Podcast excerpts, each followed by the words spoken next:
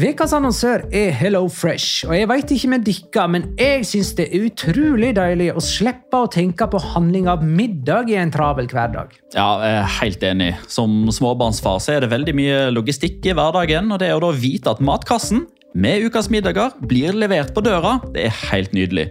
Da slipper du impulskjøp på butikken når blodsukkeret er lavt, og når du kommer hjem, kan du bare ta ut posen med dagens ingredienser fra kjøleskapet og sette i gang matlaginga. Ja, Du kan velge mellom 25 ulike retter hver uke. Og de har faktisk en egen kategori som heter Raskt og enkelt, med masse enkle og gode oppskrifter. Veldig greit å ikke måtte ty til takeaway hver gang det er hektisk på jobb. Jeg gleder meg spesielt til sterk chilikylling i min neste kasse. Jeg blir sulten bare av å tenke på det. Ja, Det er ikke feil med bacon og cheeseburger heller, da. Og det som også er bra, er at matkassen koster det samme hver uke, som gjør det enklere å holde matbudsjettet.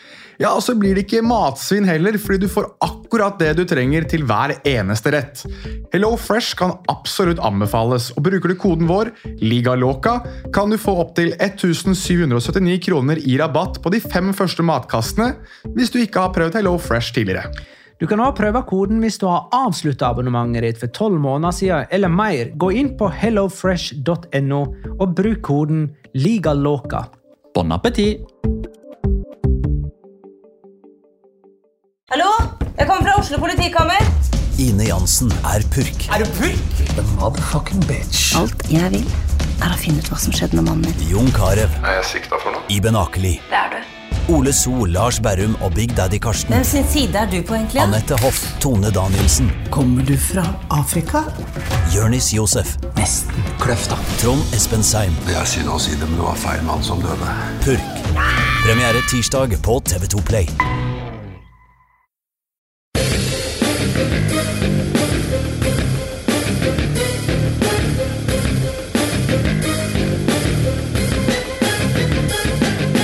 Har du sett? Sevilla er størst i Sevilla, Madrid er størst i Madrid, og Iago Aspas er størst i verden.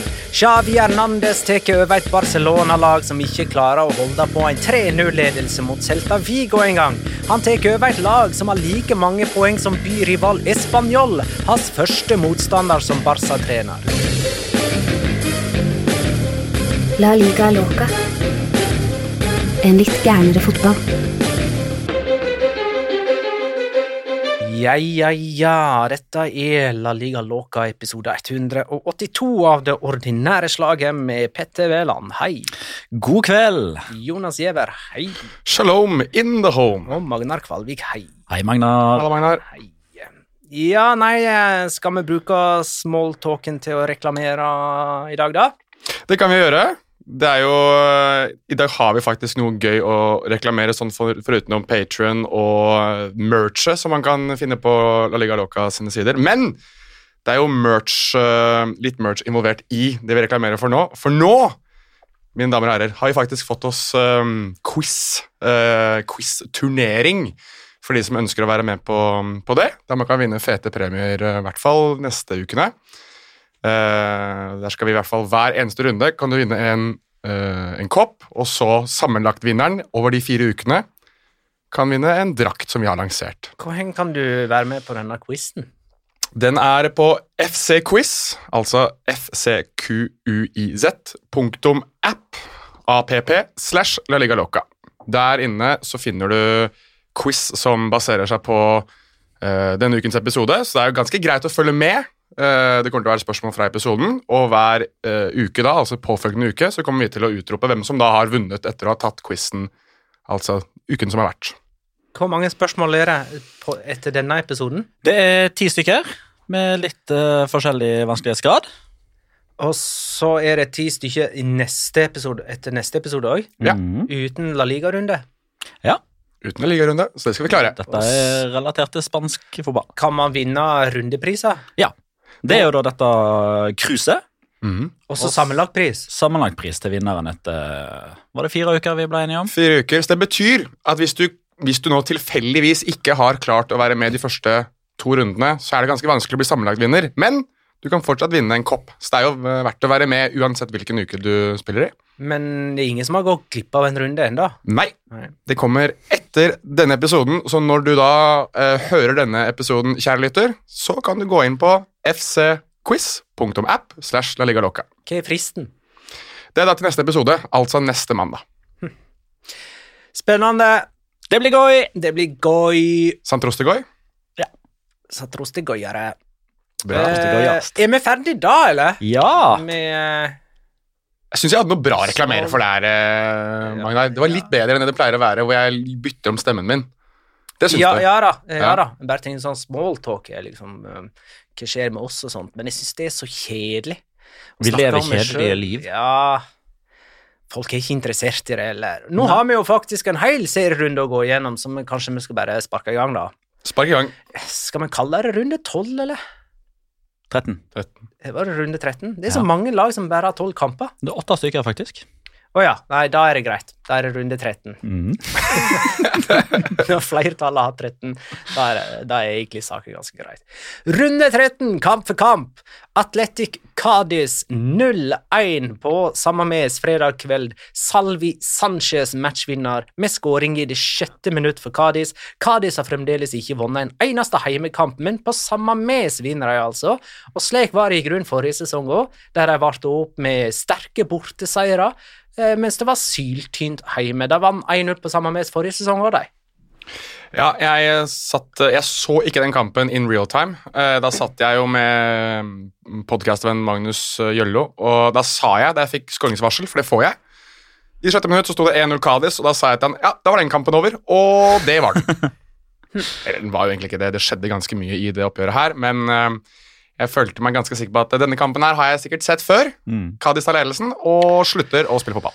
Ganske pop, eh, både i inn- og utland, å be om unnskyldning etter tap. Eh, Det var litt større tap, som gjorde at en norsk klubb ba om unnskyldning her forleden. Eh, Marcelino, Inyaki Williams, Raúl Garcia og var det Mikel Veska har alle vært ute og bedt om unnskyldning etter 0-1. Så lav list for å be om tilgivelse for tida. Ja, vi tapper hjemme mot Kadis og Jeg syns det er helt innafor, men det er likevel litt lav list. Men det, det er òg litt sånn uh, uh, hva er ordet jeg leter etter nå? Eh, Det er noe med Sadomas Nei. Det er noe med å egentlig vise litt sånn disrespekt overfor motstanderen. Det er Ja. liksom, Dette er så dårlig motstander at nå må vi gå ut og beklage resultatet. Det er et godt liksom. poeng, egentlig. Ja, det er det faktisk. Det er et veldig godt poeng. Eh, går videre da, til Español Granada 2. Vil, vil, vil du si at det er Cardissing? Ja, det er Cadissing Mm. av Cadiz, ja. Hmm. Español Granada 2-0. Adria Pedrosa, han er svak for. Ja. Uh, han og Raúl de Tomas, som dere er svakere for, Ja. Uh, skåra for Español. Eh, men Adria Pedrosa sitt mål er jo selvfølgelig mye, mye, mye bedre. Ja, det er det. Eh, men det var Raúl de Tomàs som senere ble, ble henta inn i den spanske landslagstroppen samme kveld, ettersom en bråte med Barcelona-spillere skulle bli skada noen timer senere. Jeg kjenner jo at det var eh, Det, det var liksom Det var noen som la ut det der bildet av Wario, eh, hvor han skriver sånn I won, but at what price? Eh, fordi at det var Ansu Fati som ble skada da Raúl de Tomàs kom inn i, inn i landslagstroppen. Eh, altså at ikke han var med til å begynne med. Ja. Det Alvaro Morata var i den troppen, og ikke Raúl de Tomas. Greit nok, jeg vet at Luis Henrique liker, eh, liker Alvaro Morata, men kom nå fuckings igjen, da. Hvor mye, hvor mye mer må man gjøre, liksom? Han er en god avslutter. Uh, Raúl Tomas som har skåra i sine siste fem kamper og står med sju mål denne sesongen i eh, La Liga. Español, som jeg sa i introen, er A-poeng med Barcelona når laget møtes på kamp nå i neste runde, som altså er om to uker. Det er jo landslagsveka nå. Um, skal jeg òg nevne at Diego Lopez, eh, keeperen til Español, ble 40 år sist onsdag og er den første keeperen i Primera-historien som er førstevalg i eh, sin klubb som 40-åring.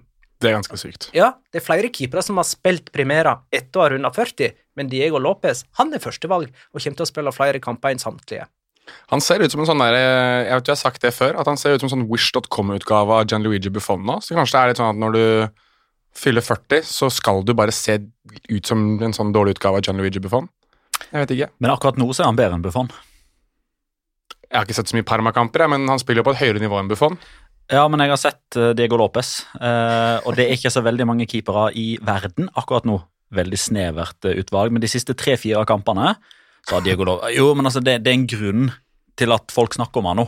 Ellers hadde det vært sånn ja, han fyller 40, grattis. Han var god i den kampen her. Det er jeg helt enig med. Ja, men han var enda bedre i den forrige EM-kampen. Ja. Nei, jeg, for, jeg er fortsatt fascinert over den der sprintfarta hans den gangen han løp en sånn inn i helvetes kjapt, og det var, ble en greie i det postmatch-intervjuet der det sto hvor kjapt han hadde løpt. Ja, sånn speed alert-variant. En 19,7 km i timen, eller hva det var for noe. Det var ikke så mye da, kom nå igjen, men det var, var veldig, han var veldig kjapp, i hvert fall. Spania møtes No, jo, men den, den, den, kan, den kan ikke stå ubesvart. 19,7 km i timen. Nei, det var- det er var- sakte. Jeg var høyere enn det. Men jeg Du løper raskere enn 19,7 km i timen. nå er ikke jeg 40 år gammel, da.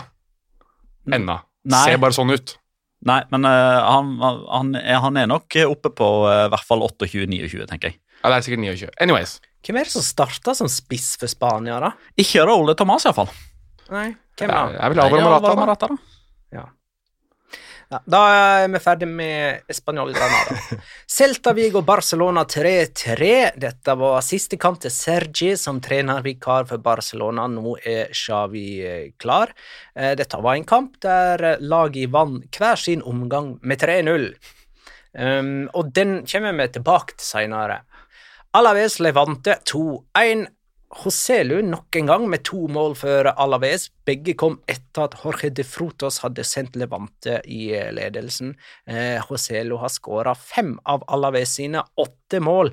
Eh, Fram til midten av oktober så, så jo disse lagene like elendige ut, eh, men siden så har Alaves tre seire og én uavgjort på sine fire kamper. Den uavgjorten kom vel på kamp nå. Så har de vunnet resten. da. Mens Levante bare har fortsatt sine elendige resultat. De er det eneste laget ut... Nei, men jo, de er det eneste laget uten seier etter 13 seriekamper. Stemmer. Til og med Retafa har jo klart å vinne. Ja, stemmer det. Jeg tenkte sånn Nei, Retafa Men, Ja, men de, de møtte et uh, Raúl de Tomàs løst Español, vet du. Stemmer det det. stemmer. Ja, men jeg, jeg, altså, vi kan godt eh, Det er mye å snakke ned Levante òg, men jeg mener jo at eh, egentlig altså, Javier Pereira er jo sendt fra målgudene. eh, fordi etter at han kom inn i Levante, så har jo alle begynt å score i alle kamper. Altså, det, jeg er litt nysgjerrig, jeg har ikke gjort dette her, men jeg skulle likt å se hvor mange mål det var i snitt i de serierundene før han kom inn i ligaen. Du mener etter- totalt, du? I hver, Totalt, i hver totalt kamp. I hver. Han har velsignet den spanske fotballen med mål. Han er liksom, han er, han er som Jorge Sampaoli, bare i jævlig dårlig utgave av det. Det er veldig mange skåringer nå, ja. Ja, det er det. Flere tre, trekamper i en og samme runde. Eh, Levante på sin side da, har 21 strake seriekamper uten seier, medregna avslutningen av forrige sesong. Eh, rekorden i La Liga tilhører Sporting Gijon, som hadde 24 strake uten seier i, eh, fra 97 til 98. Og eh, Pereira tok altså over etter Paco Lopez, men har ingen seier på sine første fem kamper. Første siden Mendy Libar i Levante, som ikke vinner sine første fem. Ikke vinner noen av sine første fem. Men de Liber har jo helt glemt hva Levante-trener. Det var fordi han har så stor historie Eibar, vet du. Det er bare det man forbinder han med nå. Drakten er like. Mendy Eibar. Mendel Eibar. Jeg hopper videre nå. Real Madrid, Rayo Vallecano 2-1. Um, her så Real Madrid eh, ut til å kråse inn til seier på stillingen 2-0 etter mål av Kroos og Benzema før Men var pause. det, var det du som hadde et ordspill nå? Men så responderte Rayo i andre omgang med mål av Falcao pluss sjanser nok til å ta poeng på Santiago Bernabeu, men seier ble det altså for Los Blancos. Mer om det senere. Villarreal Getafe 1-0. Til og med Villarreal slår Getafe. Triggeros matchvinner for denne gule ubåten, som jo liker seg på dypt vann. De hadde fire seriekamper uten seier før dette her. Toppskårer Danjuma måtte ut et, med skade etter tolv minutter. Han måtte det. Jeg har sett den taklinga fra Gené, og det er så, det er, det er så genesk.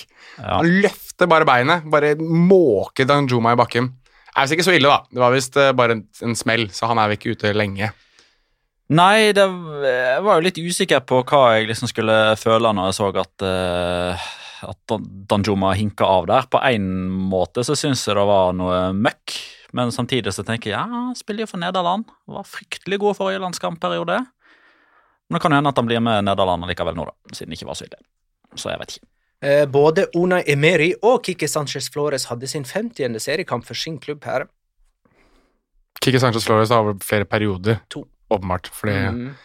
Tydeligvis uh, ikke Ja, stoppa en plass på 40-tallet, da, før han slutta forrige i første periode. 47 eller 46 eller noe sånt. Ja, anyways. Nei, jeg syns um, det var jo ikke bare, det var ikke bare Danjuma som ble skada her, fordi at hans innbytter ble jo også skada. Jeremy Pino ble jo også skada som mm, følge av eh, Eller det var vel ikke noe spesielt som skjedde, var det det? Nei, det var en muskelskade. Ja. Det var òg derfor han ikke starta, fordi han følte på et visst ubehag. Så man, man ville jo helst spare han i løpet av den kampen.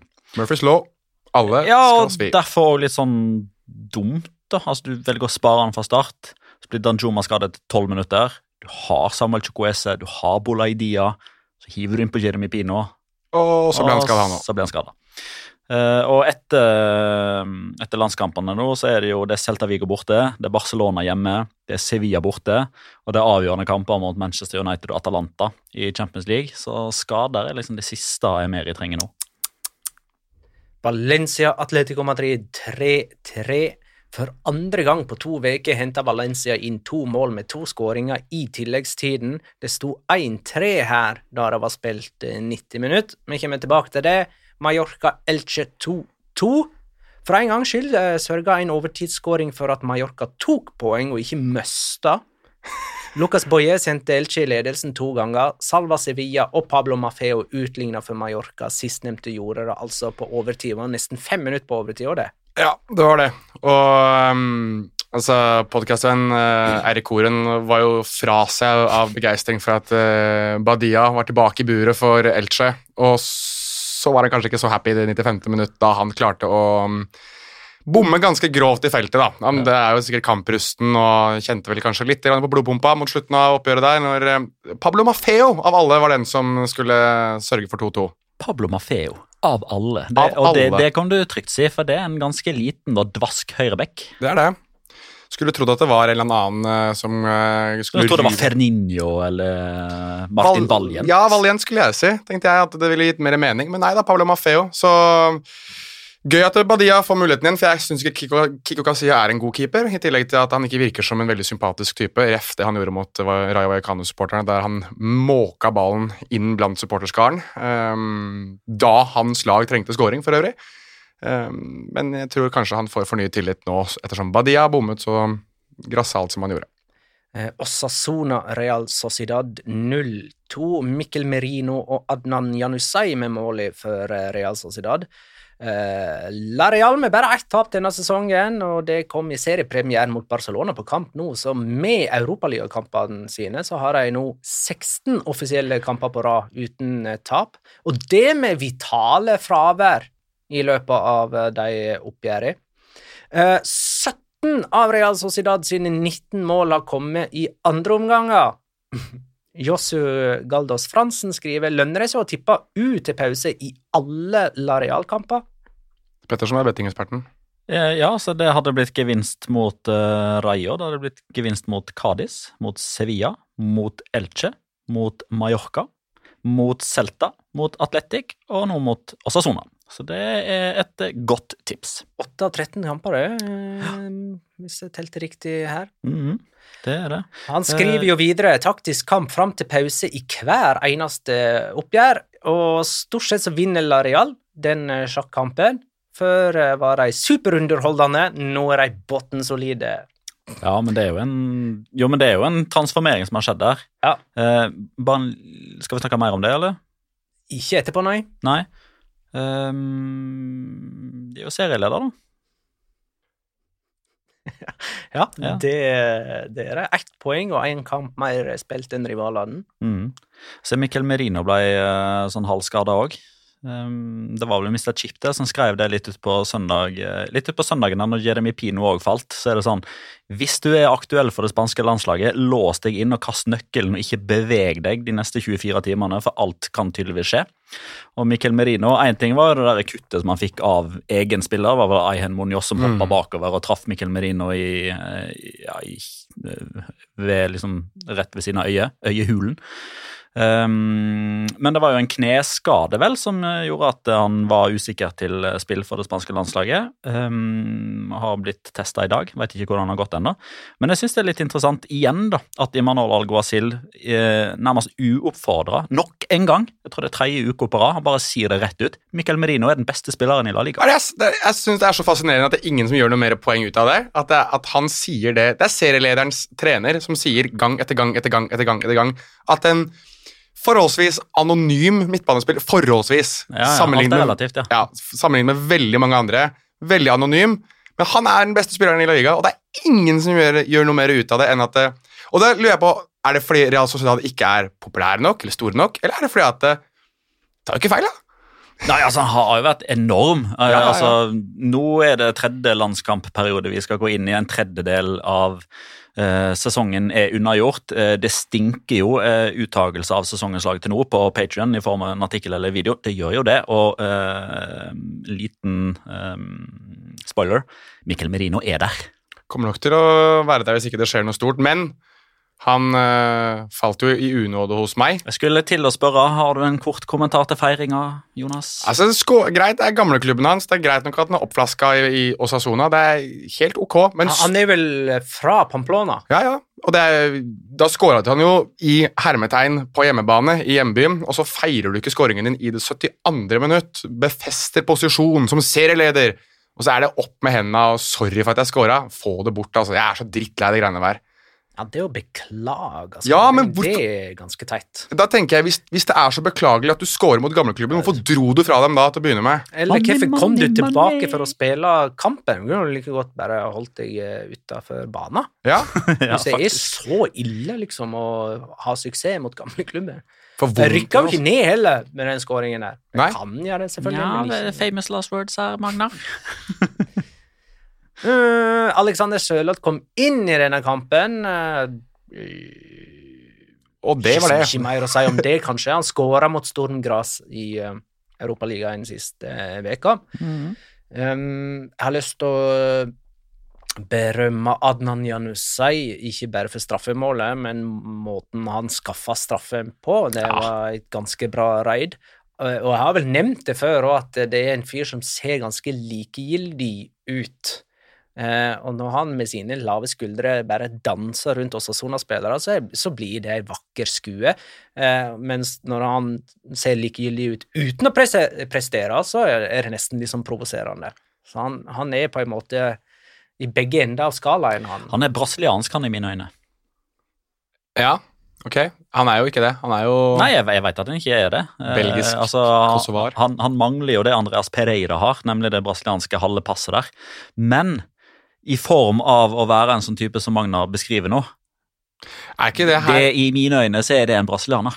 Ja, det er, den ser jeg. Men jeg skulle jo egentlig spørre dere om Er det litt sånn Er det noe Carlos Vela over han, da? Ettersom han spiller for Real Sociedad også. Sist gang Real Sociedad var så gode som de er nå, så si at de endte på fjerdeplass, da. Det var Carlos Vela litt i samme rolle. Ja, Vela var vel mer stabil, da. Ja, det var han. Du veit jo aldri hva du får av Adnan Janusai. Altså, når du går fra Vela til Adnan, så vet du at det er en nedgradering. Eh, Eirik, eh, siden vi fortsatt er på Osasona Real Sociedad her, må ikke glemme Osasona i smørja. Eirik Horvath skriver tror dere vi noen gang får se Chimi Avila i spansk landslagsdrakt. For Eirik har nemlig lest i, i ESPN at eh, Chimi Avila er i ferd med å bytte nasjonalitet.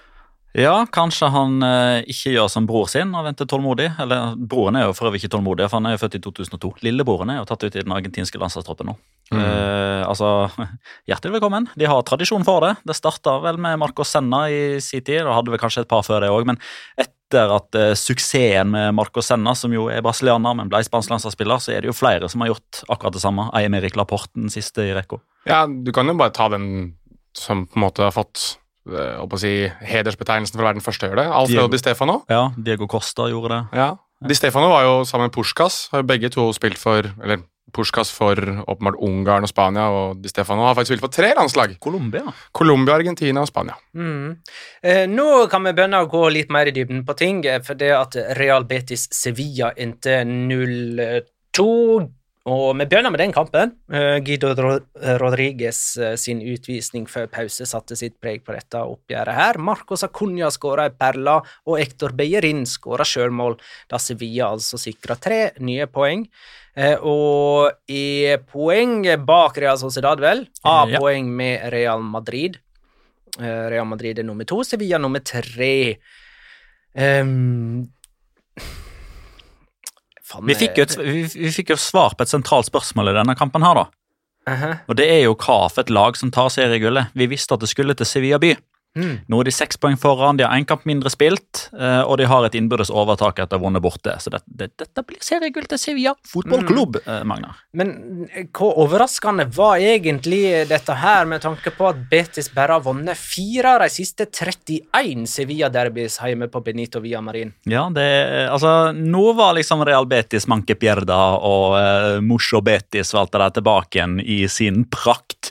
For nå har vi jo vi har hatt Lacora på det, vi har snakka om at de ser kjempegode ut, at Nabil, Fekir, Nabil Fikir unnskyld, er i sitt eh, livsform, og Sergio Canales det driver han har med ball, og Claudio Bravo ser plutselig ut at han kan stå i mål igjen. Manuel Pellegrini, ingeniøren som liksom skaper det største byggverket av de alle. Og så eh, kommer liksom eh, 0-3 mot Atletico Madrid, 0-4 og Fikir utvisning på torsdag og 0-2 og Guido Rodriguez utvisning på søndag. Og så er alt plutselig litt som det skal igjen. Det må være lov å si at de sparte seg til fant mot Atletico Madrid.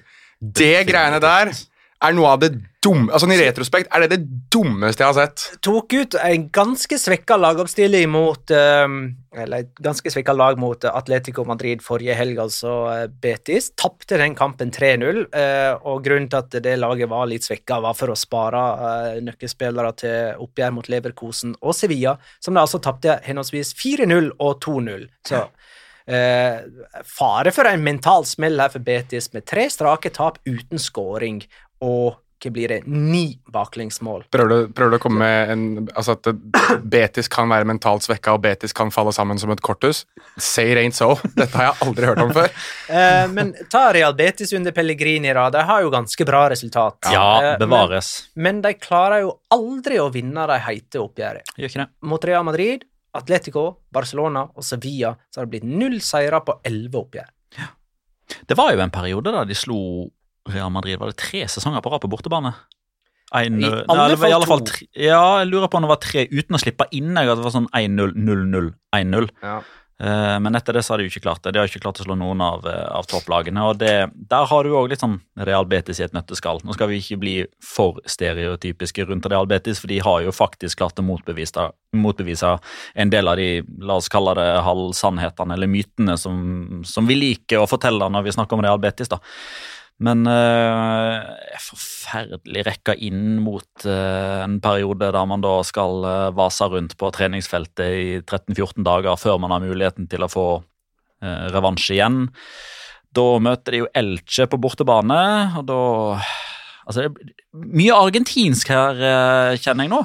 Ja. så Var det sju eller åtte argentinere som var i aksjon i El Gran Derby i går? Og så skal eh, noen av disse da på argentinsk landslagssamling, og så møter de jo Argentina B i Elche i neste serierunde. De er argentinske, altså. Eh, Guido men- Rodriguez må vi jo høvle av litt, da. Altså, hva er det du tenker på? Ja, altså eh, Og i tillegg må du også huske hve- den, hvem som var dommer her. Altså, Han ga jo Matheo Laos bare absolutt all grunn til å komme enda mer i spotlight. Altså, Han hadde jo allerede vært i spotlight før ved å stå og så klemme på uh, Guardado og kjefte på Claudio Bravo og kjefte på Diego Carlos. og liksom... Altså, Dette her var Matheo Laos i full vigør altså, den første omgangen der. Altså, tre ganger så hadde han begge hendene på kinnene til spillere Ja. for å roe dem ned. Ja, ja. Claudio Bravo, Sergio Canales og Nabil Fikir. Og var også oppe og liksom holdt eh, altså begge fingrene mot panna si oppi ansiktet på Dio Carlos. Altså, han, her, skulle det, her skulle det vises hvem som var sjef! Men én ting, og det, dette har jeg sagt før, og jeg kommer til å si det igjen. En av årsakene til lite, og effekt, lite effektiv spilletid i La Liga, det er av eh, Matteo Laos. Jo, men hør nå. Eh, I forbindelse med den situasjonen der Diego Carlos får et gult kort, så tar det 1 minutt og 52 sekunder fra frisparket blir laga til det blir tatt. Rett etterpå så er det en situasjon på andre banehalvdel som tar 1 minutt og 32 sekunder. Det er pga. at hver gang det er et frispark som ikke blir tatt så tidlig at, at Matheo Lahos ikke rekker, så skal han fram med den fordømte sprayen. Spraya her, spraya der. Telle opp meter, snakke til han, snakke til han, ta litt på han, be han ut på kaffe. Uh, gjøre sånn tull! Vent nå litt, treneren, treneren driver og kjefter på Silje, Nå må jeg bort der og snakke litt med han. Ja, ikke sant? Det er litt irriterende med hvor mye instrukser dommere skal gi spillere midt i kampetiden. Og det er jo sånn nå med straffespark, Da skal jo dommere gå og fortelle reglene til alle spillerne før man kan ta straffe. Ja. Man blir jo stående Og der i er tre han best minutter av alle. Han og Cordero Vega. Eh, dette var det 45. røde kortet på 101 101 Sevilla Derbys. Eh, så Liten opplysning der. Ja. Det, da høres det jo egentlig ut som at dette her ikke er så ille, for det er jo under eh, et kort annenhver kamp. Men la oss bare legge som en liten fotnote at de første 20-25 så fantes ikke utvisning i fotball. Ja, eh, og så eh, gir jeg Sevilla litt skryt her, da, for å holde hodet kaldt eh, etter at jeg kritiserte dem etter kampen mot Lill på Patrion-bonusepisode, for der gjorde de ikke det. Mens i denne kampen så er jo Sevilla det laget som på en måte ikke ja, får en hel masse sånn herre kroppskontakt med Mateo Laos. Og det er ikke de som får to gule kort før eh, pause eh, på en og samme spiller. Eh, faktisk er det Sevilla som klarer på en måte å vise litt rutine og beherskelse her. Jeg syns, det er litt interessant. Jeg sitter jo og ser på, på lagoppstillingen til, til Sevilla og, og Betis nå, og Petter var jo inne på det, men jeg, jeg, ser det, det er enda tydeligere nå for Sevilla sin del. Det er to spanjoler som starter den kampen for Sevilla. Og ingen av de er vel, fra- er vel Andal, fra Andalus. Jean Jordan er katalaner. Og Rafa Mir er vel fra Valencia, vel?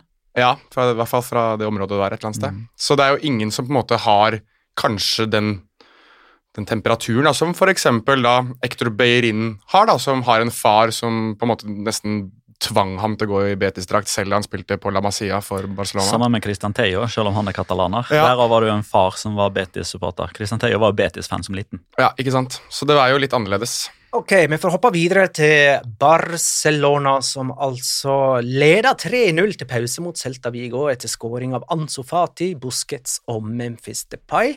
Men så kom Celta Vigo tilbake i andre omgang med eh, to Iago Aspas mål og en Nolito-skåring. Det endte altså 3-3. Det er første gang siden 1998 at Barcelona leder en kamp med tre mål uten å vinne.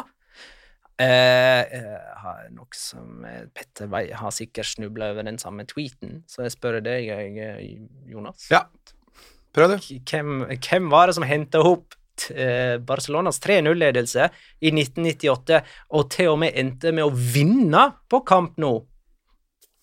98. Det er et lag du har et øye til. Er det Valencia, da, eller? Det kan være Valencia, faktisk. Ja. Og tror ikke du at Sergi spilte for Barcelona da? Jo, jeg satt og tenkte på hvem er det som kan ha vært trener for det laget der, men det gir jo mer mening. Sikkert, helt sikkert uh, Louis van Hall som var trener for det laget. Det var det. Han var i hvert fall trener i 98-99-sesongen, så Så eh, de to siste gangene Barcelona har mista en tremålsledelse, så har altså Sergi vært involvert som spiller og trener. Eh, Barcelona står fremdeles uten borteseier i La Liga denne sesongen. Eh, Jones, eller Jones, spør jeg, er det mentaliteten i Barcelona-laget som gjør at de sløser bort en tremålsledelse mot Celta, eller er det rett og slett at eh, dette Barcelona-laget er for dårlig? Ifølge Frenke de Jong så hadde de ikke personlighet. Eh, Nos falta personalidad, sa han på ganske bra spansk. Han snakker veldig godt spansk. Han bodde noen år, da, så Ja. det er jo Man bør jo ha sånne forventninger til en ung kar fra Nederland. Eh, Jeg har jo hørt, jeg vet ikke om det stemmer, men noen har sagt at nederlendere har et godt språkøre og fort tilegner seg andre språk. Jeg vet ikke om det stemmer, men eh, jeg liker å tro det, og jeg får det bekrefta. Et lite statistisk grunnlag når jeg hører Frenke de Jong. Um, men det er jo et eller annet som skjer eh, med hodet til Barcelona-spillerne. For det er helt åpenbart at de begynner liksom å skjelve som aspeløv, og de har vel kanskje hørt om Murphys law, de òg. Prøver du å si at de skjelver som aspasløv? Ja, den var fin. Takk. Den var fin. For de, de får jo noen skremmeskudd Celta Viggo skårer jo to mål som blir underkjent, og allerede der Ja, jeg skulle til å si, Hvor mange ganger skårte ikke Celta Viggo den Ja, altså, kampen her? hvor mange ganger klarte de egentlig ikke å skåre? Ja. Jo, det var fem. Eh, og det er klart at eh, det at eh, en spiller bruker armen så vidt og er i offside så vidt en annen gang, det er liksom ikke Barcelona sin fortjeneste. Der hadde de egentlig bare kall det flaks, da, som ikke slapp inn allerede der. Og så kommer skaden på Anso Fati, og så må Nico Gonzales ut, og så gir Erik Garcia beskjed i pausen om at han ikke klarer mer. Og da er det etter, etter hvert så kommer du liksom inn i den der mentale greia der, da. Eh, og det eh, Altså, jeg sitter og ser liksom på startelveren til Barcelona og innbytterne til Barcelona, og jeg syns det som liksom er den store, store mangelen Du har unntak i form av Memphis Depay, som vel egentlig er den eneste, vel, som liksom er i det man karakteriserer som sin beste alder. Sammen med Samuel Omtiti, men han er, han er jo i sin verste versjon. Altså, Som er mellom 25 og 30. Altså, Ter Stegen blir 30, han òg, så jeg tar ikke med han. og Han står uansett i mål, så det har ikke så mye å si. Eller enten så er man 32 pluss, eller så er man tenåring. Mm. Det, det er nesten ingen imellom der. Nei. Nei, Jeg syn- en av de tingene jeg har sagt det før, jeg kan jo si, jeg tror det var på Patreon jeg sa det, så jeg kan si det nå også i disse, disse eh, ordinære episodene. Jeg, jeg synes at en av de rare tingene Nummer én er jo det at eh, de som er lederfigurer i det Barcelona-laget her, som er ute på banen, Jordi Alba Busquets er kanskje de to første jeg tenker på der. At ikke de tar mer ansvar i de situasjonene der, er jo, altså det er jo tjenesteforsømmende til å begynne med. Men jeg synes det er også veldig veldig rart at man ikke prøver å rekruttere eventuelt en eller annen form for elder statesman. da, eller en. Det kan jo godt være at det blir Chavi nå, ettersom han på en måte kommer inn som en tidligere Barcelona-spiller og har den der naturlige autoriteten som Zidane for eksempel hadde da han kom i Real Madrid. Men jeg synes det er rart at man ikke har bare hentet Dani Alves. Jeg synes det er så Ikke som spiller, glem det! Han skal ikke spille. Men bare det også i den garderoben i pausen der på 3-0 En Men som kan det sier hende at Daniel Alves fortsatt har lyst til å spille, da? Jo, men jeg tror også hvis han får beskjed om at du, du spiller andre- eller tredjefiolin men du skal få lov til å være her, du skal få lov til å være del av prosjektet, altså at han får litt eierskap til det, så tror jeg Daniel Alves hadde gjort det, spesielt nå, Ja. og når Laporte er tilbake. Men Samme rolle som på det brasilianske landslaget. at Hvis det er mange spillere som ikke kan spille pga. koronakarantene, så skal du få, få en kamp. For eksempel. Eller at han i hvert fall altså, Ta Marcelo da, i Real Madrid. Jeg Vil, han har jo ikke akkurat, jeg vil gjette på at han er en av de som snakker mest i garderoben, men kanskje ikke er så mye på banen lenger. Hvis Daniel Alves hadde hatt den rollen i Barcelona, bare i garderoben og si at den kampen er ikke over, altså. Det er 3-0. Vi skal spille en omgang til. Og når det begynner å virkelig røyne på, at du på en måte ligger under 1-3, eller at du leder 1-3, at kanskje du da dytter han innpå, bare for å få folk til å roe seg utpå der. Eh, Anders spør hvis Barcelonas skadelister hadde spilt mot de som ikke er skada, hvem hadde vunnet? Du, det er jevnt. Det er veldig jevnt. Det, det er faktisk jevnt. På skadelista så setter man da Neto i mål. Piqué og Erik Garcia som midtstoppere. Dest og Sergi Roberto på hver sin bekk. Det er ganske bra. Pedri, Nico og hvem skal være den tredje på midtbanen? Eh, eh, Det blir vanskelig. Det blir en Eh, 4-2-3-1, dette. Ja, det blir fort det. Fati på den ene kanten, og så får vi ta Dembélé på den andre, da. Kun Aguero som midtspiss og Brethwaite lett, eh, rett bak han. Ja. Ja. Jeg hevder at det, det skadelaget vinner, jeg, da. Det Gjør du det? Syns det skadelaget ser bedre ut, jeg, da. Men uh, ja, Celta Vigo er det eneste laget som har tatt poeng fra Barcelona i alle de siste åtte sesongene, uh, så dette så vi jo komme. Ja, jeg må bare få sagt det. Um, Jago Aspas' redningsaksjon, nå er vi i gang. Here we go. Det var nå, tidlig. Ja, Men nå da er vi i skal gang. han redde Codetta, for vi er jo, det er jo bare 8. november. Det er et godt poeng. Jeg skjenker skjenka deg en tanke på stillinga 0-3 og tenkte dæven, nå får han rett, Men, altså. men eh, ja. For du spådde jo at KD skulle bli sparka etter denne kampen. her. ja. Ja, bare etter denne kampen. Ja, Det kan hende at du modererte deg og sa etter kampen etter der Ja, igjen. det skjer iallfall i november, og jeg mener, er 3-3 mot eh, Barcelona, som ligger på niendeplass, så innmari sterkt. Eh, Barcelona er ti poeng bak Real Madrid, seks poeng bak Atletico, som er på fjerdeplass. Og nå er altså Xavi Hernandez eh, klar som uh, trener. Uh, take over et skadeskutt uh, Barcelona. Men i alle fall, for første gang på en stund, så føler jeg at nå er liksom Barcelona-treneren det heiteste navnet i Barcelona. Ja. Jeg er helt enig, eh, og legger merke til en um, Altså, Noen ganger så ironiserer man litt av ah, det er hallelujastemning, men nå er det faktisk hallelujastemning i, Det i Barcelona. Det er frelseren som er tilbake igjen, som har liksom vendt tilbake igjen for at nå skal livet bli så veldig mye bedre. Og jeg ser, jeg veit ikke om det er bare sånn at hypen tar enhver fotballjournalist på Twitter, men han har fått så mye ros for de ordene han har brukt i dag.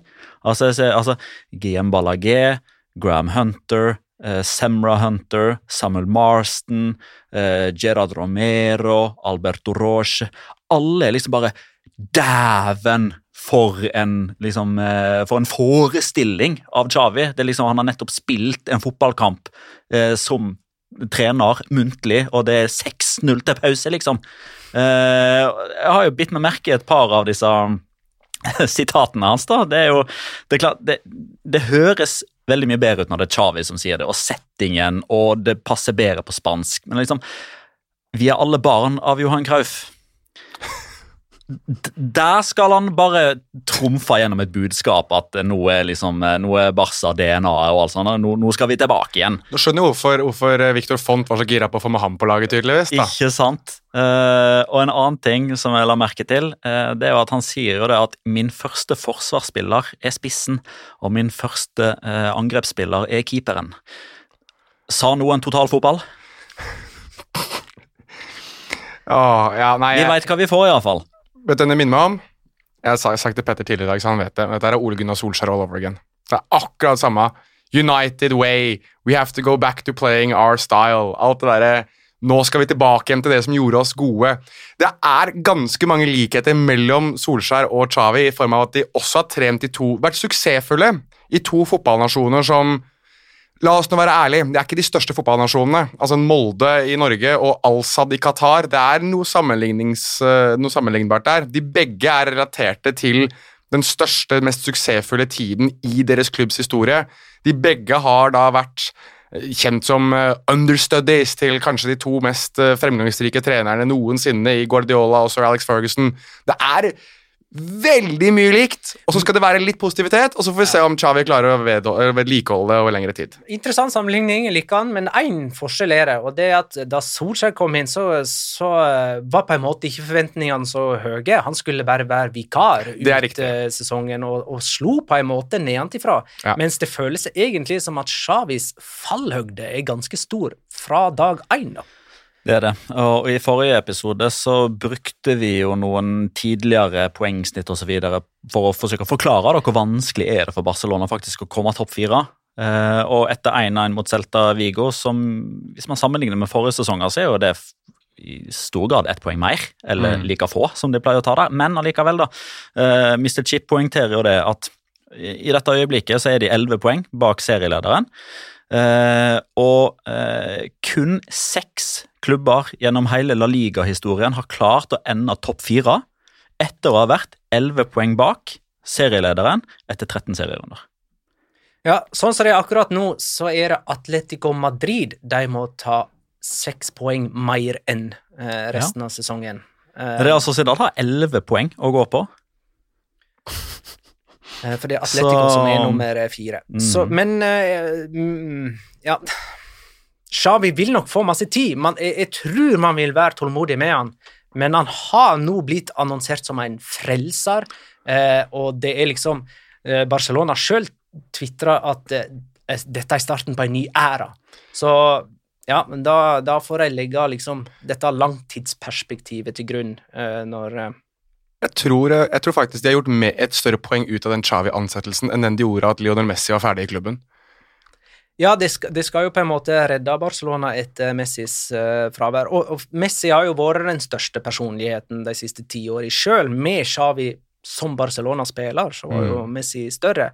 Nå kommer Xavi inn og er, og er den største. Nå, er, nå, er, nå sitter sjefen på benken. Ja, og sånn sett så er det jo, det er jo interessant å, å registrere da, at eh, man snakker om at en æra var ferdig da Messi forsvant, og så etter det så har liksom bare æra-begrepet bare hengt der og vært tomt, og nå er det Xavi-æraen. Du har aldri tenkt på Ronald Koman-æraen, altså? Er det det du prøver å si? Koman, da. Eh, vi hopper videre nå. Nei, jeg må lese en Nei, men, men de, dette, dette er årets uh, dikt, faktisk. Uh, jeg skal bare finne det fram her, for jeg kan det ikke utenat. Det er en uh, Celta Vigo-supporter uh, som har skrevet en fantastisk tweet. Hvor i svarten ble det av den? Handler det om, er det noe med at Jago Aspas må holde dem til sesongen er eller, til, eller hold meg til Jago Aspas er tilbake fra skade? Jeg, jeg har klart å fjerne den. Jeg, jeg tar den etterpå. Jeg tar den etterpå. Vi kan avslutte med et fantastisk dikt om Jago Aspas. Ja. Real Madrid, Rayo Vallecano endte altså 2-1 på Santiago Bernabeu. Eh, Det var Nevnte jeg målskårerne i stad? Ja, det var Kroos og Benzema. Benzema er toppskårer i La Liga med sine ti mål. Um, her var Rayo overraskende voksne i andre omgang. Um, Jeg liker, jeg liker den nye holdningen, den nye arrogante holdningen til Fakao. Syns den er bra. Kommer inn, skårer, sier at sånn skal det gjøres, og går ut igjen. Han eh, spilte i ti minutter og måtte byttes ut igjen. Han har skåra fem mål på 333 minutter, altså hvert 67. minutt han har spilt. Eh, Og han har skåra mot både Real Madrid og Barcelona. Jeg syns det, jeg syns det er eh, altså Falcao, Det er den første skåringen hans på Santiago Bernabeu. Som Rayo-spiller, altså. altså. Hvis du tenker på alle klubbene han har vært i, så er det Rayo Vallecano som da skulle gi han hans første eh, Santiago Bernabeu-mål, for å si det på den måten. Litt sånn tabloid. Fellesnevner her da mellom de tre store klubbene som vi trekker litt ut av eh, runden, sammen med Sevilla Betis. Vi skal snakke mer om Atletico Madrid etterpå, men de gir jo fra seg 3-1 til 3-3 på overtid. Barcelona mister 3-0 til 3-3. Det er ikke langt unna at Real Madrid slipper fra 2-0 til, til 2-1. Jeg ser eh, Oppda har en statistikk her som, eh, som viser at um, Rayo Vallecano hadde sju skudd mot Real Madrid sitt mål fra åtte minutter utover. Det er den altså, største kanonaden Real Madrid har opplevd i sluttminuttene siden 2009. Første gang på tolv år. og det er altså Tony Cross redder de bokstavelig talt i begge ender. Mm. Det gjorde han. Eh, men det er kanskje til syvende og sist litt det som er liksom tungen på vektskåla etter hvert. da. Altså, la oss glemme Barcelona fra et seriegullsnakk. Altså, den Barcelona-supporteren som fortsatt eh, tror på seriegull, vennligst ta lykkepillene fra vedkommende. Det skjer ikke. Men Atletico Madrid er fortsatt med. Real Madrid åpenbart fortsatt med. Men her har du liksom Det skjedde mot Levante i forrige bortekamp for Atletico Madrid, og det skjer igjen. Og det er liksom Der Real Madrid klarer liksom å knyte det igjen på slutten, da snur mot Valencia. Så jeg er klar over at Atletico Madrid gjorde det samme mot eh, Español eh, og en annen kamp også der de skåret langt på overtid, men den trenden der nå, det er brått det som skiller de in the bitter end, altså. Eh, Kim Allergodt skriver om, eller spør om jeg har tanker om hvorfor Real Madrid ofte virker solide i første omgang og avgjør gjerne kampen der, men sliter i andre omgang og leverer på et lavere nivå. Jeg har en teori på det. Ja, Eh, og det er rett og slett at Carl Angelotti han bytter jo ikke, nesten. Han bytter nesten ikke spillere. De blir mer slitne. Det er mange flere spillere som løper rundt der med 90 minutter i beina. Uh, mot eh, Elche sist nå så gjorde han to bytter og unnskyldte seg på pressekonferansen etterpå. Jeg er lei overfor Eden Hazard og Isco og mm, hvem det nå var som måtte varme opp i 40 minutter uten å få spille. Unnskyld. Og så går det ei uke, så er det en ny kamp. og Så gjør han riktignok to bytter da, etter 78 eller noe sånt, sett inn på Lukas Vaskes og Eden Hazard, eh, som dermed får 10-12 minutter. Og det er jo i den perioden de virkelig sliter. Det er jo når Eden Hazard og Lukas Vaskes kommer inn. Én fordi Eden Hazard ikke løper. To fordi Lukas Vaskes er ikke noen forsvarsspiller. Han klarer ikke å blokkere innlegg eller noe som helst. Ehm, og det gjør A, altså man får flere tunge bein mot slutten, fordi motstanderne bruker jo alltid fem bytter, så de har ti friske bein de, det siste kvarteret. Uh, det er samtidig, i alle fall i mine øyne, da, en veldig solid fallitterklæring fra Angelotti til de spillerne som da ikke blir brukt.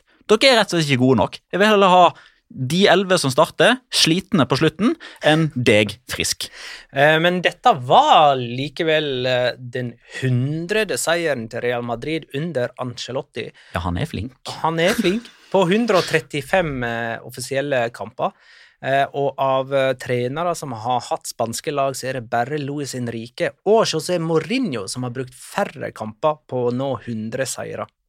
Eh, Guardiola trengte 139. Eh, Zidane trengte 140. Ancelotti altså 135. Hoppa videre nå. Tror ikke det er noe mer å si. Valencia Atletico 3-3. Um, Ja, her, er det en, si. her er det én ting å si med en eneste gang. Det er Pepe Bordalas mot Diego Simione. 3-3! 3-3 mellom de to som visstnok skal være de mest hardhauste på forsvar. Det er locora i seg selv, det. For Getafe under Bordalas skåra vel ikke en eneste gang eh, på Atletico Madrid, eller? Stemmer det. Ja. Det var smultring, det. Og så bare rant inn her, da, på overtid. Um, Men bare en kjapp digresjon der. Um, det, altså I den første kampen som Retafe da spilte mot Atletico Madrid etter at Bordalas forsvant, det var jo sjølmål av Oblak. Og det første målet som Bordalas da skårer noensinne mot Atletico Madrid for Valencia, sjølmål av Stefan Savic. Ugo Doro, altså. Eh, disse her overtidsskåringene og de overtidsminuttene i det hele tatt på Mestalla. Vi har vel sagt det før, det er ikke Det er ditt poeng, Magna. Det er ditt poeng, og den skal du eie. Nesten ikke vits å slå på en uh, Mestalla-kamp før vi har runda 90, men du vet Du må i hvert fall ikke slå av før det er spilt Nei, ferdig. det er greit. Tenk hvis hun går hjem sånn tidlig for å eh, komme seg unna trafikk og sånn. De, har, de må ha gått glipp av mye gøy, de. For uh, Ugo Doro han spilte vel bare tolv minutter, han, tror jeg, og skåra to mål. Skåra i snitt hvert sjette minutt. Eh, Jeg las et eller annet om at uh, en spiller som har spilt så lite minutt og har så stor innflytelse på, kamp, på en kamp, det 2002. var det noe 2002? Manu Molina, Recreativo. lurer det. Kan det stemme? Ja, det kan stemme. At Jeg tror dette var ass. Ja. Det var han, ja. Jeg trodde det var Mr. Chip som hadde den. Nei, Mr. Chip eh, skrev at for første gang i hele historien til La Liga så har en spiller eh, klart å skåre to mål i tilleggstida for å ta poeng i en kamp som hans lag lå under i. Um, nå er vi oppe i 136 tillagte minutt i Valencia sine 13 seriekamper. Det er da altså eh, en eh, Kall det en er VM VM-kamp, da, som går til ekstraomganger og straffesparkkonkurranse. Det er Europa League-finalen fra mai, faktisk. Vær så god. Der har du det. Det er akkurat det der. De har spilt den de i tillegg til alle de kampene de har spilt. Og Atletico Madrid de slo jo Barcelona den 2. oktober. Siden det så har de én seier på seks offisielle kamper. eh, og den seieren var jo det vi kalte sesongbeste. 3-0 mot Real Betis. Så eh, noe flyt, eller noe god rekke i eh, Det klarer ikke de å sy sammen. På disse seks kampene så har de sluppet inn tolv mål. Og de har 19 baklengsmål på 16 offisielle kamper denne sesongen.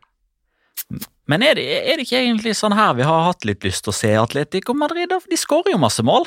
Jeg syns det er gøyere å se en Atletico Madrid-kamp nå, som objektiv og nøytral. Jo, jo, altså det er gøy. Ja, ja, det er det jo. Men det er jo et, eh, et Hva skal jeg si? Et, et, eh, et atletlag som mangler identitet. Altså, Jeg tror ikke de helt vet hvem de er lenger. Altså, Det er ikke noen rød tråd. Altså, Jeg gidder ikke å gå gjennom her hver eneste episode, for jeg syns jeg gjør det. Men jeg liksom Nå har jeg sagt flere ganger at jeg syns at f.eks. Felipe og uh, Mario Hermoso ikke er gode. Her spiller både José Jimenez og Stefan Savic. Det er ikke noe bedre med de to. Det er nesten verre, skal, spør du meg. Altså, Det virker ikke som de har Jeg vet ikke om Diego Simione har, har kommet til et punkt der hvor han bare ikke helt vet hva han driver med, i form av om de skal spille veldig offensivt, veldig defensivt, eller, eller når de skal variere mellom det Ja, Finne balansen. balansen altså, Han er unektelig en fantastisk trener. Det er ikke det at han ikke vet hva han driver med, men jeg tror bare at han mest sannsynlig Det må være et eller annet som skjer i meldingsutvekslingen der. For Joe Felix ble også filmet der han sto og sa da um, Ogodoro skåret 3-3, så sa han altså, det, er, alltid det samme. Altså, det, ender på samme måte hver gang. Ja. Men det synes jeg er interessant. Eh, Han var, altså Vanligvis Du har jo rost han for det, eh, Jonas, og jeg er helt enig i at han har vært flink til å ikke snakke om dommere, og han legger seg liksom ikke borti sånt. Simeone? Ja, Simeone. Ja, ja. Og vanligvis så klarer han å opprettholde en viss standard og en høflighet i svarene sine. Men på, på, på, på søndag da var han veldig kort. Da var han gretten. Eh, Men jeg la også merke til at han, han tok på seg skylda. Eh, og det er jo noen ganger altså, sånn stereotypisk trener. Altså, bare, ja, vi tapte, det var min feil. Eh, det er sånn som man gjør av og til. José Mourinho er en ekspert på det. Noen ganger på en hyggelig måte, noen ganger på en sånn bæsjete måte. Men han, han, han sier jo det at han får spørsmål liksom, hvordan er det mulig eh, for et lag som Atletico Madrid å lede med to mål i, tilleggstida og reise hjem herfra med bare ett poeng. Jo, det er mulig hvis treneren gjør alt, alt feil de siste fem minuttene. Eh, Vi leder med 3-1, jeg gjorde to store feil, og vi tapte. Snakk om å kaste Joao Felix og Hector Herrera under bussen, altså. Uten å nevne navn. Så kam kamuflert kritikk. Kamuflert kritikk, fordi etter 86 minutter så blir jo De Paul, og Luis Suárez tatt av, inn med Joao Felix, som det allerede da var snakka om i 86 minutter av eh, kommentatoren på Movistar. Oi, Joao Felix spiller ikke fra start, hva skjer? For andre kamper, hva er i ferd med å skje her? Og så kommer han inn altså han får fem minutter på tampen, liksom, og så taper han sin kamp 0-2, og så blir han filma etterpå alltid det samme. Kanskje du skal bidra litt mer når du først kommer inn, da? Det er litt moro da, at eh, spilleren som skulle erstatte Antoine Griezmann, ser nå ut til å bli erstattet av Antoine Griezmann, med tanke på den scoringen til Antoine Griezmann den kampen her. Ja, den var fin. Herregud! Greit nok at uh, jeg eh, Meme-ansvarlig i La Liga Loca på Twitter var jo veldig på Skal vi snakke om om han er eh, verdensklasse hjem? Ja. Uh, den scoringen er i hvert fall verdensklasse. Det er noe av det villeste jeg har sett denne sesongen. Greit nok at Adria Pedrosa stikker av med seieren for rundens mål, men det er så vidt. altså. Her er det mållinjefoto, det som verre er. altså For den scoringen til Griezmann er altså så inn i helvetes imponerende. Nei, du, du får det ikke mer limt i krysset enn han gjør der. Ja, så er det sånn Den stiger, stiger, så deilig òg. ja. Du ser den, altså, den, den har liksom eh, Den stiger opp i masken der. den, den har den samme graden som disse koronagrafene som vi har sett på i to år nå. Altså, Ja. Den stiger noe voldsomt i de Ja. verste scenarioene. Sånn steig den. Det er første gang i La Liga at Atletico under Simione taper poeng etter å ha ledet med to mål. Og eh, Stefan Savic på sine 212 offisielle kamper for Atletico har skåra tre mål og laga fire sjølmål. Liten quiz. Mhm. Eh, spørsmål nummer én. Så dere tweeten min om eh, kamper i samme serierunde som endte 3-3 forrige gang? Bare få sagt det at det er en i podkasten som spør Så dere tweeten min, eller? Jo, men det er spørsmål én. Ja. Nei. Nei? Nei. Nei. Da kommer spørsmål to. Eh, fordi dette var første gang Jo, men Hadde dere sett den, så hadde dere visst svaret. Kom igjen. For første gang siden serierunde 31 i 2012-2013-sesongen så har to kamper i samme serierunde enn 3-3. I 2012-2013 så var det Betis mot Sevilla og Español mot Valencia. Denne serierunden her så var det Celta mot Barca og Valencia Atletico Madrid. Én spiller spilte i en kamp i begge sesongene. Han var med i en 3-3-kamp i den serierunden 2012-2013 og denne serierunden her. Hvem da? 3-3. Hva se uh, Celta Barcelona De to andre var Betis I 2012-2013 så Var var det Betis Sevilla? Sevilla, Español, Valencia. Eh, Han har bytta klubb i mellomtida. Jordi Alba? Nei. Nei, det var i 2013. Mm. Ja, nei, da 2012-2013. Um, holdt på å si Nolito, men han er jo Barcelona B, mest sannsynlig. Han da. Eller noe sånt noe. Um, kan det ha vært Jago Aspas, da? Nei, han var ikke der da. Nei, det er ikke Jago Nei, ikke Jago Aspas, fordi han har bytta klubb i mellomtida. Ja. Og Celta Vigo eh, var ikke en del av 3-3-bataljonen i 12-13-sesongen. Det var Betis, Sevilla, Ja, men jeg, var, jeg, jeg Valencia. tenkte han kanskje hadde vært innom Sevilla da, men han var jo Ja, nei, det, var mye litt, det var litt etter. Ja. Ja. Han hadde jo den Han, ene. spilte, ok, han spilte for Sevilla da, Ja. Atletico nå. Åh ehm, Kondogby, eller? Jeffrey Kondogbia, ja. Og han kom jo da fra Valencia, som var involvert i begge to.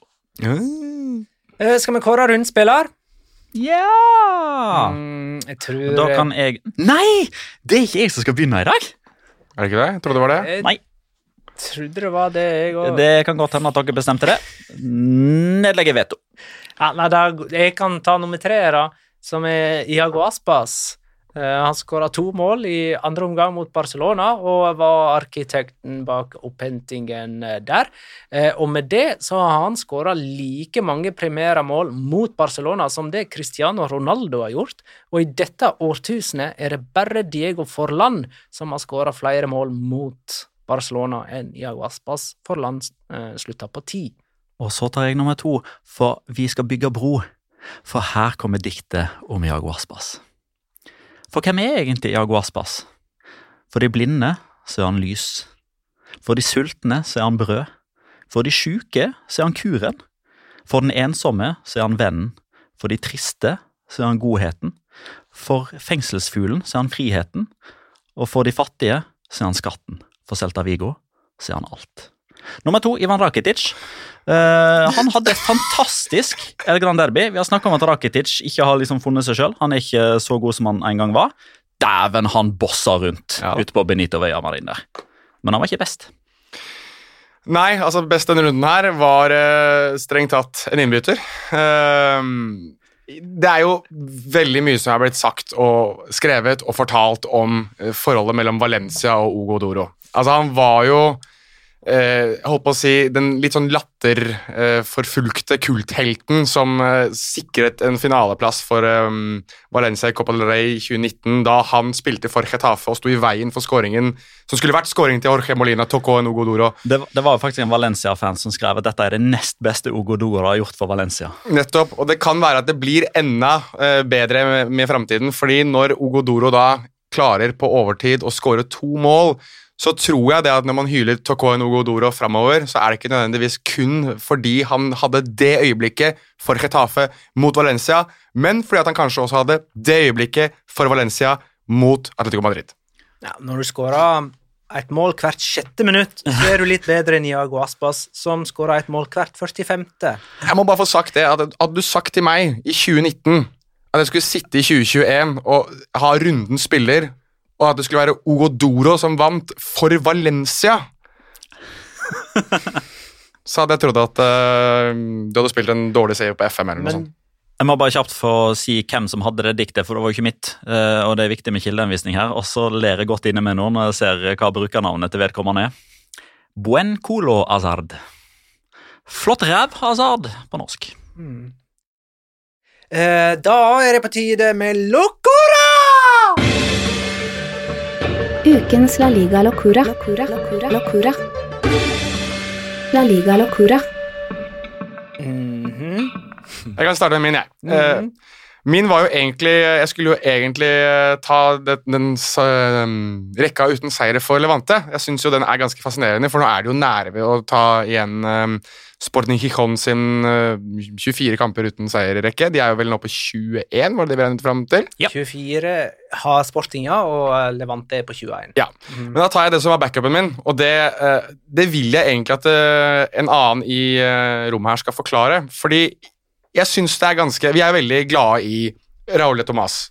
Noen av oss er litt mer glad i Raúl de Tomàs enn andre i det rommet her. For jeg lurer veldig på, uh, Petter, hvordan man klarer på en eller annen merkverdig måte å løpe RDT ute på det som ser ut som en fotballbane. Er det det? La ikke du merke til dottene der? Jo, yes, jo Det er dotter der òg. ja, altså Har du løpt sånn rundt i ring, rundt i ring, rundt i ring, da, eller? Trenger bare gjøre det én gang. Kan, kan du forklare? Hvordan er dette? Det ligger, For de som ikke har sett det, 6. november eh, på La Liga Loca-kontoen på Twitter, så har da Petter Wæland lagt ut løpsloggen sin, eh, som for øvrig er veldig imponerende. Godt jobba. Eh, men i denne løpsloggen så er det også da eh, tracking, og Petter har klart å løpe r.d.t. Hvordan gjøres det? Det er like enkelt som, det, som du tror at det er. Altså, når jeg er ute og løper, så får så vandrer tankene. Hører på musikk og går gjennom ting osv. Og, så videre, og kom fram til at eh, herregud, så sjukt det er at Raoul de Thomas ikke er på landslaget. Hvis du òg legger merke til klokkeslettet eh, på når dette løpet fant sted, så er det altså i andre omgang mellom Español og Granada. Da har Raúl de Thomas nettopp skåra, så han er liksom fersk i hjernebarken. Og så ser jeg oi, her er det jo en fotballbane. Lurer på om det er Bryn, Brynbanen eller Teisenbanen. eller noe sånt. Det var iallfall i det området der. Og da tenkte jeg ok, eh, jeg har tracking på. Eh, Hvis jeg tar lange nok løp, sånn at det ikke bare blir sånn krusedull, så hvis jeg løper da en stor R, dot, stor D, dot, stor T, dot, så kommer det kanskje opp på trackinga, og det gjorde det. Strekene sier jo hvordan han har sprunget, så det er jo ikke Men jeg tenker, du må, jeg tenker at det her må det koordineres på en eller annen måte. Men ja, du har kanskje ikke gjort det. Det er vel bare jeg som syns det ser mer high-tech ut enn det det kanskje egentlig var. Men jeg syns det var veldig imponerende. Ja. Så Det så ikke veldig high-tech ut for de som sto på sidelinjen og lurte på hva i all verden han tullingen der holder på med. Ja, tok opp hele sånn. banen. vet du. Det var Ja, de måtte stoppe mange kampen, faktisk. tolvåringer som, måtte, som uh, skulle spille fotball. Flytt deg! Jeg skal hylle Petter er Petter, Eh, ja, Locora, ja. ja. Ja. Uh, nei, Det er jo disse overtidsminuttene i La Liga denne sesongen. da. Herregud, så gøy det er når kampen bikker 90. Jeg er like spent jeg hver gang når, eh, tilleggs, uh, når fjerdedommer kommer med innbyttertavle og sier at ha-ha, vi skal spille åtte minutter til! Fordi forrige sesong så ble det skåra 39 mål i løpet av tilleggstida. Det er altså 380 kamper. 39 mål. Nå er det spilt 126 kamper, av La Liga 21-22. Altså ikke engang en tredjedel, og det skåra 31 mål på overtid. Og det Altså, én ting er jo at det betyr at det skjer ting på slutten av kampene, ergo det er dramatikk, det lever hele veien inn, men den nydeligste konsekvensen her er at dommerne faktisk legger til mer tid. Endelig. Eh, jeg fortsetter med min Saragossa Watch. Jeg eh, hadde jo som Locora forrige episode, altså sist mandag, at Saragossa hadde spilt ni strake uavgjort i Segunda. Alle kampene hadde enda enten 1-1 eller 0-0, og Saragossa lå på nedrykksplass som nummer 19 i Segunda. Men siden det så har det blitt spilt to serierunder i Segunda divisjon, en midtvekerunde og en nå i helga. Og jaggu vant Saragossa begge de to kampene uten å slippe inn mål, så de spratt i løpet av ei uke opp fra 19. til 12. plass. Nå er de fem poeng over den nedrykksstreken de var under for ei uke siden, og så er det bare fem poeng opp til playoff. Eh, Og da, siden det ikke er primærrunde kommende helg, så kjører vi segunda-tipping i tippekampen vår denne veka her. Eh, Vår eh, forrige kamp som vi tippa på, det var Real Betis mot uh, Sevilla, uh, som endte 0-2 med Akunya som første målskårer. Jeg hadde 1-2 med Rakitic som første målskårer, det gir meg ett poeng. Jonas hadde 2-2 med Iglesias som første målskårer, det gir null poeng. Og Petter hadde 1-1 med Fikir som første målskårer, det gir null poeng. Jeg vil bare nevne at jeg meldte klink U, og jeg skylder på Guido Rodriges. 11 mot 11, så var det 0-0. Stillingen er da som følger. Jeg har 13 poeng, Jonas har 3, og Petter har 2. Neste kamp, Las Palmas Saragossa. Jeg tippa ny Saragossa-seier. 1-2, eh, og Borja Sainz som første målskårer. Jeg kan bare nevne eh, at Las Palmas de er nummer tre på eh, tabellen. Bare få han opp her. Las Palmas er nummer tre på Oi, tabellen med 27 poeng. Saragossa er nummer 12 med 19. Ja. Sprekt da Nei, nummer 19, sa ikke du at de nettopp var nummer 12? 12, nummer 12 med 19 poeng. Med 19 poeng, ja.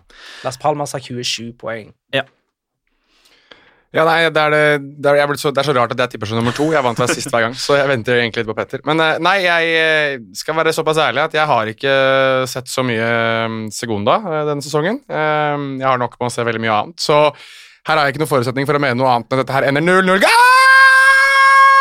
Garantert! Mm. Og hvis eh, det blir feil, så, så har du jo egentlig ikke det med at du ikke har sett uh, Segunda så mye som unnskyldning, med tanke på at du står med tre poeng etter 13 serier. Jeg ser ikke så mye La Liga her, tydeligvis. Hva gjør jeg da? Jeg ser, min, jeg ser tydeligvis mer i La Liga enn det Petter gjør, da, heldigvis. Jeg kjører Las Palmas, så der så har dere altså 1-0. Jeg har så gode, gamle GC. Ja, du gjorde det, ja? Ja. Ja, 1-0. det var det. 1-0, ja. Men du må huske det, Petter, at Jesse, som er skadefri på mandag, er ikke nødvendigvis skadefritt i helga når han skal spille. Helt riktig, det. Ja, ja. Tar store sjanser her nå. Da har ikke jeg mer å si. Det eneste, eneste vi har å si da, er jo at for de som har hørt episoden, så er det jo nå å gå inn på fcquiz.app slash laligaloca og gjør quizen! Og vinn eh, et cruise og potensielt sett en drakt ved sammenlagt etter fire uker. Og så er vi vel innom fotball-TV-studio denne veka. Ja, på onsdag så skal vi ta ut 2000-tallets beste La Liga-elver. Det kommer ikke til å være en kåring uten friksjon, diskusjon, intriger, drama og krangling! Tusen takk for at du lytta, kjære lytter. Ha det, da.